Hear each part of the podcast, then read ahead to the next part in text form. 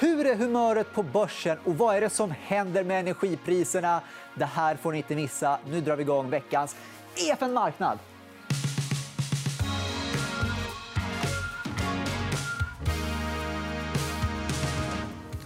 Ja, för att snacka om detta och mycket mer. Varmt välkommen, Anders Elgemyr från Carl Square. Välkommen tillbaka. Sist du var här då var det tusen avsnitt av Börslunch. Nu är det EFN Marknad. Det har gått två år sedan dess. Exakt. Ja, har det hänt mycket på de två åren? Oh, skämtar du? ja, vi visste inte hur mycket som kan hända på två år på den tiden. Det var innan... börsen har gått upp sen dess. Börsen har gått upp sen dess. Mm. Och eh, den har gått upp ganska rejält, mm. trots en pandemi. Mm. Men mycket kring räntor, stimulanser och allt säga, Man skulle nästan kunna säga på grund av en pandemi. Ja, ja, till och med. För att det är så, så mycket stimulanser. Ja, eh, verkligen. Och det är någonstans också kanske ingångsvärdet till det vi ska prata om. För att visst, om stimulanser har varit det som orsakat de här börsuppgångarna mm. vad händer när man drar tillbaka stimulanserna, som det börjar se ut att man måste göra? Ja, alltså det går ju ner. Så det är ju, om, du, om du verkligen gör det. Så det är det som är den stora frågan nu. Det, som, det kallas för put i marknaden, liksom Greenspan put eller, eller Bernanke put. Eller vad man ska kalla för. Det är liksom att någon gång så, så tror alla att ja, men om det kommer 20% nedgång på börsen då kommer Fed in och räddar marknaden. För man har inte guts att stå kvar där med, med nedgången. För du vill inte vara den personen som börs, orsakade börskraschen. Du vill inte stå i historieböckerna att du var liksom på den posten den dagen som, som 1928. Liksom. Du vill inte bli ihågkommen ja. som det. Så, så, problemet är att de, de har ju inte GATT att stå kvar där. Den enda som, riktigt tuffa centralbankschefer haft var Volcker som 1982 höjde räntan kraftigt för att blåsa bort inflationen. Och det är någonting som har gynnats av sen dess. Att han gjorde det här drastiska steget. Men det var ju blodbad på börsen i flera år på grund av det han gjorde. Har vi någon sån Fed-chef idag? Nej, det har vi absolut inte. Utan, utan vi får se vad som händer. Jag tror att det, det, de kommer att vibbla fram och tillbaka. och Sen får vi se om, när de kommer att behöva gå in med stimulans igen. Men det här är ju så otroligt kul att alltid spekulera i. För Samtidigt så undrar man ju om man egentligen har ett val när inflationen stiger. För Då kanske man måste välja. Ja, Jättehög inflation som bara ja. åker på. Eller så måste man... jag, hade ju, jag har hävdat i tio års tid nu de ska sluta med sina stimulanser. Det, vi får ta en smäll. Liksom. Sen kan man ju försöka fasa in den samtidigt som det är en högkonjunktur och försöka fasa ut med, med lågkonjunktur. Men, men centralbankschefernas makt måste minskas. För de har liksom blivit, det, det är demokratiproblem till och med. För det, vi har liksom lämnat över väldigt mycket av ekonomiska styrningen i världen till centralbankerna. Det är en slags teknokrati vi lever i. Så det är liksom inte demokratiskt heller. Så bara av det skälet så tycker jag att centralbankscheferna ska dras tillbaka. Och då är man ju alltid nyfiken. Du pratar om lång sikt. Du har sagt det i tio år. Det har pågått ganska länge. Ja, slutet på 90-talet. Det var Greenspan som började med det. Så han varnade marknaden med det. Liksom. Så att vi redan under it-bubblan orsakades väldigt mycket. Så vi gick ut, ska de inte strama åt någon gång? Nej, utan de lät räntan vara låg. Så att hela it-bubblan byggde väldigt mycket på att de, det gick för fort upp och sen bara kraschade allting. Och om du tar it-bubblan som du tog upp, att det, det är lite av en effekt av de här stimulanserna som man hade då. Men var befinner vi oss nu? Är det på branten efter att bubblan spricker? Eller var, var, vart är vi just nu i den här processen? Ja, men så nu, nu är vi i den processen att nu är det på gränsen till att det spricker lite bubblor. Eh, och jag tror att det är lite grann det de testar också. Och, och du har en massa grafer som man skickar. Liksom, man ser då att, att eh, SPAC till exempel har fallit kraftigt väldigt mycket. det ser på grafen, ja. ja. Så, så, det är ju är ett tecken på att jag menar, då, då är det absolut mest riskvilliga kapitalet drar sig tillbaka, blir lite osäkert. Ja, man kanske ska köpa något annat. Och, och, så där. och Det syns ju på IPO-index. IPO-index är ett, index i USA Precis. som försöker visa hur alltså det, de försöker förvalta, komma in innan, innan handeln och efter handeln och vara aktiva i själva IPO-erna. Så det är en ETF ja. som försöker spela. Och det ser man att det kommer pengarna att flöda ut i den fonden just nu. Så själva IPO-index går ner. Så det är ett väldigt tydligt tecken på att marknaden inte riktigt vill köpa IPO-er. Och det märks nu på en gång i Sverige. Så att liksom, när man pratar med kapitalförvaltare nu så är det en helt annan stämning nu än det var i höstas. I höstas kunde man liksom komma ut, man kunde göra en, en bookrunning, sälja en, en aktie på någonting. Du behövde ingen garant eller någonting. Nu är det jätteefterfrågan efter garanter plötsligt. Alla banker sitter med enormt mycket IPO som ska ut.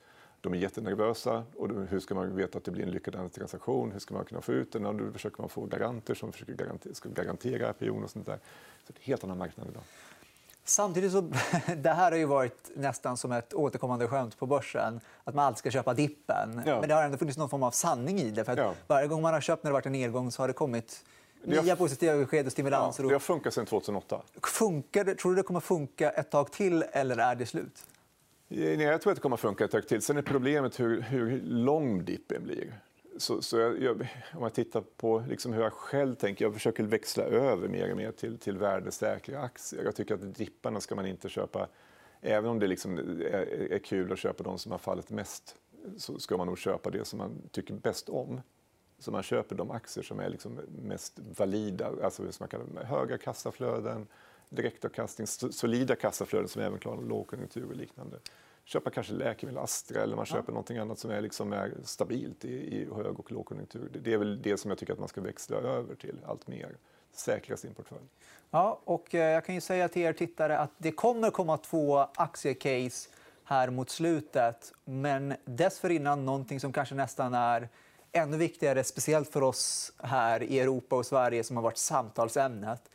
Energipriserna ja. som liksom Visst, det är vinter och det finns anledning till att vi behöver mer energi och så vidare. Men det är inte det som är den utslagsgivande faktorn till att just i år har det blivit det. har inte varit en extremt kall vinter. Vad är det som är så udda med den här energikrisen? Ja, men vi kan ju titta på, jag tror att det är en effekt efter fem års omställning till hållbar ekonomi eller hållbar miljö. Så att säga. Så att det, det, eller hållbarhet. Så att det, man kan se då att det är inte bara det att folk har investerat i, i hållbara energislag.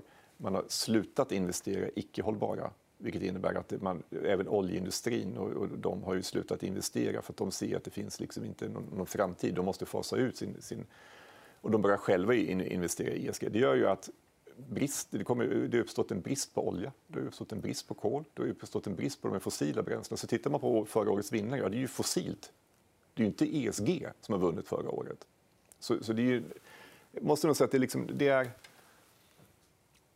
Det har gått för fort. Det har varit för, för lite eftertänksamhet. Eh, kärnkraften, vilket jag naturligtvis är en, en, jag är en förespråkare av, är något som har lagts ner för fort. Och, och, och framförallt, det är framförallt Tyskland som har drivit den. den. De har ju stängt på tok för mycket kärnkraftverk. När jag frågar mina tyska kollegor kan man tänka sig att i Sverige finns det en debatt om att ändå öppna det. I Tyskland, nej, det kommer inte att ske. För de som bestämmer i Tyskland, det var de som var miljö, Greenpeace, eller vill säga, vet du, De Grüne, ja. på, på 70-talet för dem är det no-go. Alltså det, kärnkraft är ondska. Det, det, så det kom, de kommer inte att kunna, även om de rationellt kan tänka sig det, så, så är det väldigt, väldigt tungt i Tyskland att dra igång kärnkraftverken igen.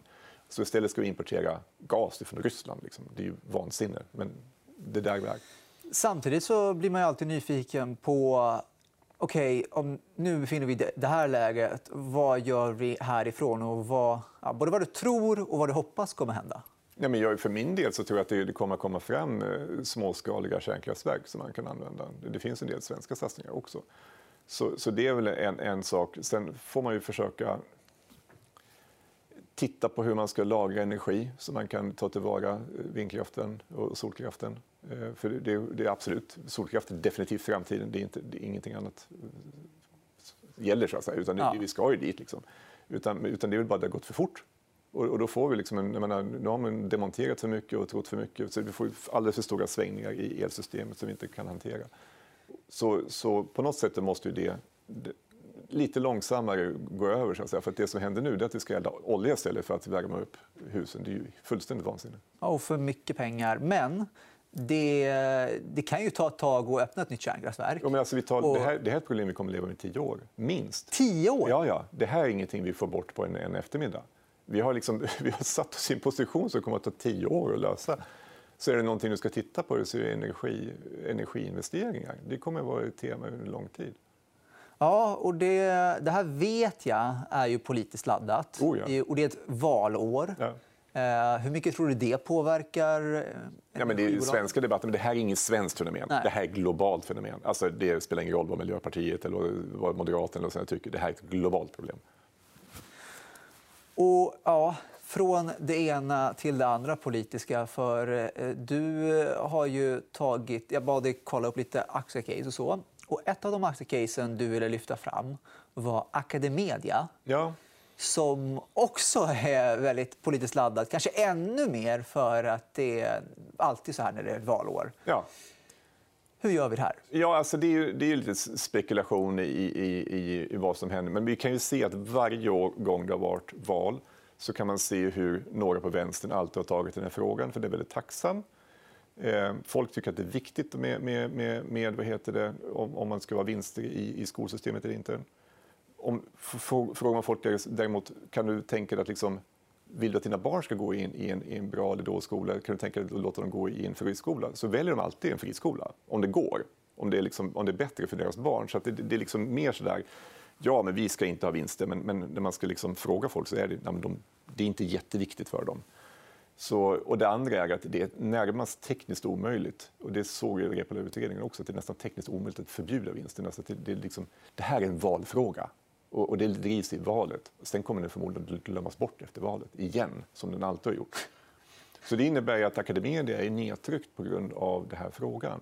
Och den, den, den är nästan demagogisk, den, den, debatt som finns just nu. Så det, det, är sånt som skapar köptillfällen på börsen. Så skulle jag vilja uttrycka det. Sen Academedias, tittar man på deras intjäning så är det mindre 50% eller det är ungefär 50% som är kopplat till det som överhuvudtaget kan rösta om. För väldigt mycket handlar om, om friskolor, eller för förskolor och liknande. Jättestor satsning i Tyskland.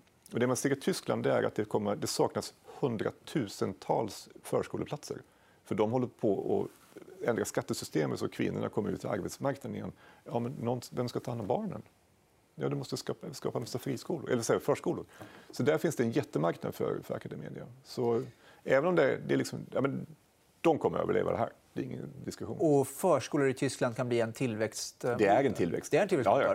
Och hur, eh, hur har resan gått hittills där? Har de etablerat sig där? Jo, jag kommer inte ihåg hur många hundra, men det är ja, det... tiotusentals platser. Så. Ja, ja, Och det är en long run rate kvar? Oh, ja, det, alltså, det har inte ens skrapat på kanten. det är jättemycket kvar att göra. Och det är inte bara Academedia som är på väg. Det är många internationella skolor som tittar på, på samma sak. Så att de är inte, absolut inte ensamma, men de är väldigt tidigt ute. Och man, eh, om man tittar på management då, i Academedia, hur, eh, vad tycker du om den? Hur tycker du att de har skött sig där? Alltså Marcus har varit med jättelänge nu. Han är ju stenhård och jätteduktig. Så, så det, det, det är en hårt styrd organisation eh, och den är bra. Alltså ur ett, ur ett aktieperspektiv, om man säger så, ah, ja, så, så, är den bra. Och jag tror även ur ett skolperspektiv. Det kan jag bedöma mindre, så att säga. Men, men det finns liksom inga undersökningar som visar att kvaliteten skulle vara sämre i friskolor än i, gymnasiet, alltså i, än i publika skolor och vice versa. Utan det, det, det där är en debatt i hög grad, tycker jag. Man får gå ner på skolnivå. Det är, ja. väldigt, mycket, det är väldigt intressant. Otroligt mycket av, av en skola består faktiskt av rektorns kompetens. Det är nästan så enkelt. Bra rektor, det spelar ingen roll om det, om det vilken skola det är. Bra skola. Dålig rektor, dålig skola. Det är jättehögt samband. Det är intressant. Ja. Och eh, då har de lyckats med de, och Det är otroligt viktigt att du får hela den här pedagogiken att funka genom hela koncernen. De är duktiga på det. Och om vi då går vidare till ditt andra aktiecase.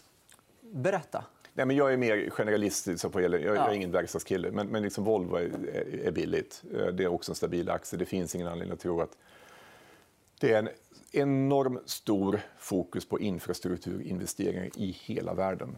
Eh, och, och, och, är det någonting man behöver så är det maskiner till det. Så, så liksom Volvo är ett bra case på, på väldigt lång sikt. Eh, otroligt bra ledning, otroligt bra bolag och så där. Så, det, det, så trots att jag inte är en verkstadsmänniska så nej, men Volvo kan du köpa. Men är... jag, jag letar efter den typen av case. Vad är det för någonting som, som, som kommer, kan, kan gå ner och, och som, som eh, ändå kommer rida ut stormen? Så att säga. Ja, men Volvo är ett bra exempel. De, och det är den typen av bolag man ska som handlas på en 12-14 i P och som man kan plocka upp i, i de här kursfallen. För det är lite grann det jag skulle komma tillbaka till. När de här kursrustningarna, trycken kommer, så säga, men plocka upp de här aktierna som alltid känns dyra. Plocka upp Investor till exempel, som är liksom en bra portfölj istället för att köpa en bred fond. Köp otroligt bra liksom, management på, på Investor. Köp den i alla dippar. Liksom. Tanka på. Tanka på Investor vid dippen. Ja. Och om man eh, kikar på just till exempel Volvo kan det också vara till dess nackdel att de har blivit liksom en, fått tråkig stämpel. Att, men det, är, det är en folkaktie. Ja, det är en, det är en allvar. verkstadsaktie, herregud. Ja. Så det, det är en... Så den, den är tråkig. Liksom det, folk vill ju ha eh, tillväxtaktier och såna saker. Och, och, och det är lite roligt att eh, vissa tillväxtaktier är ju inte ens tillväxtaktier. Vi, vi pratade om det innan, liksom Apple till exempel, som man anses vara en tillväxtaktie. Men vadå, herregud, det är en värdeaktie. Hur mycket kassa har de? Det sprutar ut pengar i bolaget, både in i bolaget och utdelningar och återköp och såna här saker. Det, är en enorm värdeaktie som handlas på rätt låga multiplar. Så att det liksom... Köp Apple i alla nedgångar. Det är liksom, Apple och ja, eh, Alphabet. Och, ja. Exakt. Ja, men det, det är också en, eh, en grej jag ska komma till nu. Då. Eh, Det är ju också att vi har... Vi pratar ju om att det finns en inflation. Mm. Det, det, nå- någonstans måste ju någon ta någon smäll. Ja. Antingen är det konsumenterna som tar all smäll eller så är det flera värdekedjor det händer. Eller hur tänker du kring inflationen när du Men, investerar? men det är en slags gum, jag vet inte hur man ska beskriva det bäst. Det är som ett tåg, tågsätt som, liksom, när, när, när, som, som bromsar in. Och I början så är det liksom, ja, men de första smällen tas ju av, av bolagen. Så att säga. Det kanske tas av råvarubolagen och sen plockas- det upp av verkstadsbolagen, sen plockas det upp av konsumentbolagen och sen till slut så kommer ju liksom vågen ner till konsumenten som någonstans kommer att plocka upp den där notan i alla fall. Så, så det, det, någonstans så sprider sig det i systemet. Det går liksom inte att... Och jag- problemet är ju energin. Energin mäts inte i alla i inflationsmått heller. Men det är energipriserna. Och det var det som fick mig att... Jag trodde väldigt länge att det skulle vara transitor. Alltså att, det skulle liksom, Att inflationen skulle gå över? Ja, exakt. Ja. Att det var en chock som hade med covid. Men när man såg hur oljepriset bara rusade iväg där under, sommaren så jag tänkte jag det här stämmer det här kommer, det här kommer att svida. Men är det inte jättekonstigt att det inte ens var jättelänge, det bara två år sedan nästan, mindre, när oljepriset handlades till negativt? Ja. Ingen ville röra vid Ja. olja. Ja. Och nu, är det, nu ska alla ha olja igen. Hur- Men är- olja är sjukt svårt att analysera. Det är så mycket politik i olja. Det är en massa människor som sitter och- bestämmer vilket oljepris du ska ha och sen kör de det in hit och dit. Så att säga. Så att det, den, oljepriset är väldigt roligt. Så tittar du på den, den handlas i, i 10 dollars steg. Så den handlas liksom i, i säg 30 dollar. Då. Ja. Sen handlas det där, sen konsolideras den. Plötsligt går den upp, så ser man att den sticker iväg. Ja, men då går den till 40 dollar. Sen konsoliderar den och sen går den till 50 dollar. Och så konsoliderar den, så ner till 40 igen. Så det känns, den är rätt, rätt märklig på det sättet. Och det känns som att det är en massa politiker som någonstans sitter och bestämmer var det oljepriset ska ligga för någonstans. För det är en otroligt viktig så att säga,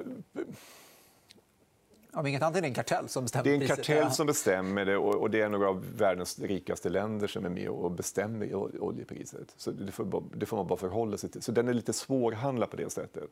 Men, men är det någonting som man ska, ska äga långsiktigt så är det energin närmaste tio åren. Uran är ett jättebra exempel man kan äga. Har gått upp jättekraftigt, men det är bara början på en... en, en eh, ser ut som en metkrok. Den har fallit, fallit, fallit, fallit, fallit och så nu plötsligt har den börjat gå upp lite grann. Uran är, om, om nu, och det gäller ju även FNs miljöpanel, de säger att vi måste ha kärnkraft för att kunna klara av miljömålen. Det, det är ju ingenting man snackar om i Sverige eller Tyskland. Men, men det står ju faktiskt i deras rekommendationer. Ja, men då måste vi bygga kärnkraftverk. Och vad behöver vi till kärnkraftverk? Jo, vi behöver uran.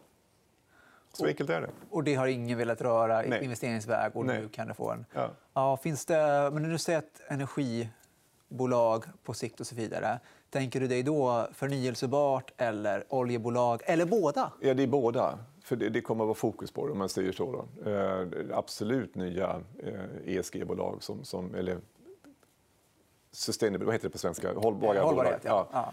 Så eh, självklart kommer det vara jättefokus. Och det märker vi nu. Kommer med, vi gör en del roadshows med, med tyska bolag inom den sektorn. Och de är lite större än de svenska. Så där alla dörrar öppnar sig på en gång. Alla är intresserade, alla vill ha in mer. Så det har ju nästan gått lite för långt. Ja. Om man säger så. Men skulle man försöka sälja ett fossilt bolag, då det är, liksom, du får inte en, det är ingen som öppnar, lyfter på luren. Nej. Ingen, alla är totalt ointresserade. Så ska man vara kontroversiell och contrarian, ja, då är det där du ska titta. De här fossilbolagen som ingen vill röra Ja. just nu, fast alla behöver. Då, då kommer man tjäna pengar. Ja, det är, eh, det är superintressant där. Eh, Och om vi då tar det absolut sista. Då. Eh, Jag kommer ihåg att jag intervjuade...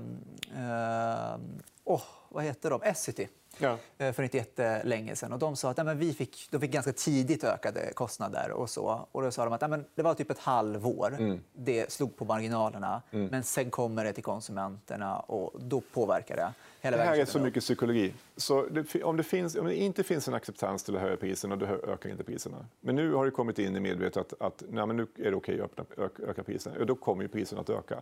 Så, så SVT kan ju höja sina priser på grund av det. Och nu kan andra också höja Och då kommer alla andra att höja priserna och då får du inflation.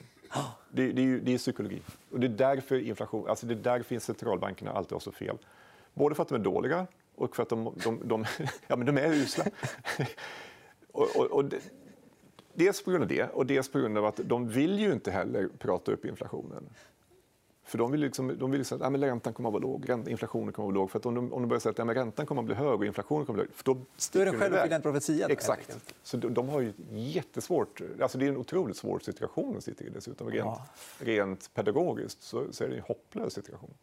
Ja, och eh, det får bli de avslutande orden. Anders Elgemyr, superkul att du var här. Vi fick med oss allt det vi behöver. Aktiecase, energipriser och massa annat. Det var allt för denna EFN-marknad. Vi är tillbaka på fredag. Missa inte oss då. På återseende!